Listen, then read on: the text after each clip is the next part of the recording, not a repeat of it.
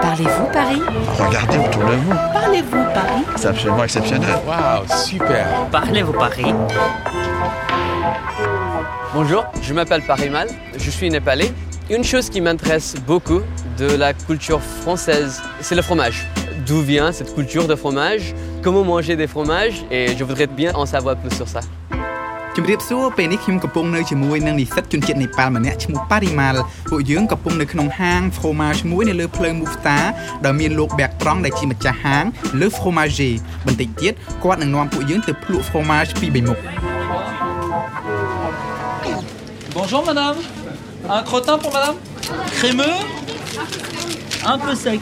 Qu'il soit pas onctueux comme ça. Juste comme ça là.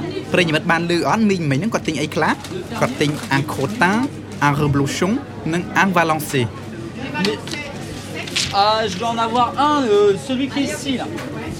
Ce sera entre deux demi-secs. ស្ដាប់ទៅភ្ញៀវមិញហ្នឹងគាត់ស្គាល់ fromage ច្បាស់តែម្ដងហើយគាត់ដឹងថាត្រូវយកអា fromage អាយុប៉ុណ្ណាទៀតគាត់មិញគាត់ទិញមានអា crème entre deux sec គឺមានទិញអាសើមមានរសជាតិក្រែមល្មមល្មមនិងមានអាស្ងួតខ្លាំង Ça nous fera 32,30 s'il vous plaît madame. Au revoir, à bientôt. Monsieur, la crème fraîche Voilà les 250 grammes. Ce sera tout Du concentré de bonheur. crème fresh ក្រែមស្រស់តម្លៃ250ក្រាមថ្លៃ2អឺរ៉ូ39សេនមិនជាថ្លៃប្រហែលដែរសម្រាប់គង់សង់ Trade Burner ហើយផលិតនៅនុកម៉ងឌីទៀត Eh ben, je vous souhaite une agréable fin de journée, monsieur. Merci, Merci, de même. តោះឥឡូវដល់វេនយើងម្ដងហើយបរិមាណមានសំណួរខ្លះចង់ដឹងអំពីរបៀបភ្លក់ fromage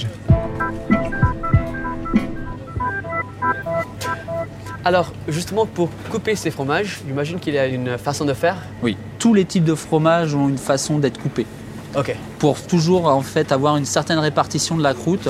Parce que vous allez toujours avoir un goût un peu différent sur les extrémités de votre fromage par rapport au cœur. Ok. Toujours. ចង់ភ្លក់យើងត្រូវកាត់វាម្ដុំមកភ្លក់តែធ្វើម៉េចកាត់ឲ្យដោយទាំងសម្បកស្រួយនៅខាងក្រៅ la croûte និងអាស្នូលកណ្ដាលលើ cœur ដើម្បីឲ្យយើងបានភ្លក់ទាំងក្នុងទាំងក្រៅ Par exemple, le brie, comment couper le brie Alors, le brie, par exemple, il ne faudra jamais quelque chose qui ne se fait pas, mais que l'on voit souvent, Ok. couper la pointe. Ah, c'est c'est normalement ce que je fais. Mais... Et voilà. Parce que ok. le problème, c'est que la dernière personne, elle va se retrouver avec juste la croûte. អា Ah, ត្រូវមែនគេមិនដែលកាត់ fromage ពីខាងចុងមកទេមិនអញ្ចឹងទេអ្នកនៅចុងក្រោយគេហ្នឹងគឺសល់តែសម្បកញ៉ាំបណ្ដោយ Et justement, pour le... Le cœur des poisses. Le corps de, le corps Alors, des poisses. tout ce qui va être crémeux dans les styles camembert, les époisses, les choses comme ça à pâte molle, Oui. souvent on coupe la moitié et ensuite on fait des quartiers, tout simplement. les fromage à pâte molle fromage សាច់ទុនដូចជាកាម៉មបែជាដើមគឺគេកាត់វាជាចំណិតចំណិតអង្ខាក់ជាចំណិតដូចផ្លែក្រូចអញ្ចឹង Et une dernière chose, sur les comtés, on mange pas la croûte. Les pâtes cuites, on évite Mais pourquoi ça parce que c'est très salé. អា fromage សាច់ទុនយើងអាចញ៉ាំសបកខាងក្រៅវាបានព្រោះវាអត់សូវរឹងតែបើអា fromage សាច់រឹងសាច់ឆ្អិនអាប៉ាត់តឃ្វីតដូចជាលើកុងទេគេអត់ញ៉ាំសបកវាទេ Ok. Et est-ce qu'il y a une certaine façon de commencer à manger Toujours. Parce qu'en fait, un principe tout simple à prendre en compte, c'est commencer par le plus léger, le plus doux.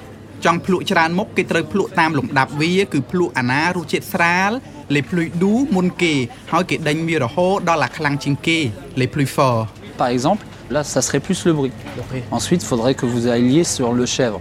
Ensuite, sur le bleu, et vous f- pouvez finir par les poisses. Ah, ok. Toujours monter en puissance. C'est la règle principale dans les plateaux de fromage. ឧទាហរណ៍គេភ្លក់ដំបូងលើប៊ីបន្ទាប់មកលើ chèvre ហើយលើ bleu ដល់ចុងបញ្ចប់អាខ្លាំងជាងគេគឺលេ poisse Et je ne savais pas comment conserver. Au frigo, c'est ce que je fais normalement, Oui. ou à l'extérieur. Nous, ce qu'on on préconise toujours, de sortir les fromages au moins une heure avant. Pour avoir tous les arômes du fromage, il faut qu'il soit à température. Euh, Une exception, le bleu. Le bleu, on le sort au dernier moment. Ah, ok. គាត់ប្រាប់ថាគេទុក fromage នៅក្នុងទូទឹកកកប៉ុន្តែមុននឹងញ៉ាំគេត្រូវដកវាចេញមកខាងក្រៅមួយម៉ោងសិនលើកលែងតែលើ bleu អាហ្នឹងគេញ៉ាំវាឲ្យត្រជាក់ត្រជាក់តែម្ដង En fait, vous avez euh, un fromage fort. Alors, par exemple, dans les fromages très forts, les boulettes d'avenne, c'est fait à base de maroilles. Très odorant et en bouche, et assez prenant. Ok. គាត់ថា fromage អាខ្លាំងមានច្រើនមុខណាស់ឧទាហរណ៍ fromage មកពីកោះកកឈ្មោះ Boulet d'Aven Et donc, Est-ce qu'il y a aussi des fromages piquants Piquant, piquant, euh, bah, épicé Épicé, voilà. Épicé, on a nos spécialités où on les met avec du piment d'Espelette, des choses comme ça, mais euh, normalement un fromage bien affiné n'est pas piquant. ទុំទោសផងបរិមាណគេអត់មាន fromage រសជាតិហឹរទេប៉ុន្តែមាន fromage ខ្លះគេដាក់ថែមគ្រឿងទេសតិចតិចៗដូចជាគេដាក់ម្សៅហឹរប៉ាព្រីកាដូចជា fromage boulette d'avoine នេះជាដើម Alors, prenons quelque chose un peu fort. C'était lequel Et Voilà, la boulette euh, d'Aven. Voilà. Euh, Jean, je prends un peu de ça. Je peux vous en faire une moitié si vous voulez. Ok. Voilà. Ok, merci beaucoup. bon Merci beaucoup Bertrand Bah de rien. Au revoir. Je vous souhaite une excellente fin de journée. Bonne journée. Merci. ឥឡូវយើងបានដឹងអំពីប្រភេទ fromage និងរបៀបញ៉ាំ fromage បារាំងហើយអញ្ចឹងពីថ្ងៃនេះពេលបរិមាណចង់ទៅញ៉ាំបាយនៅផ្ទះបារាំងត្រូវចេះប្រយ័ត្នប្រយែងកុំឲ្យខ្មាស់គេឮនៅ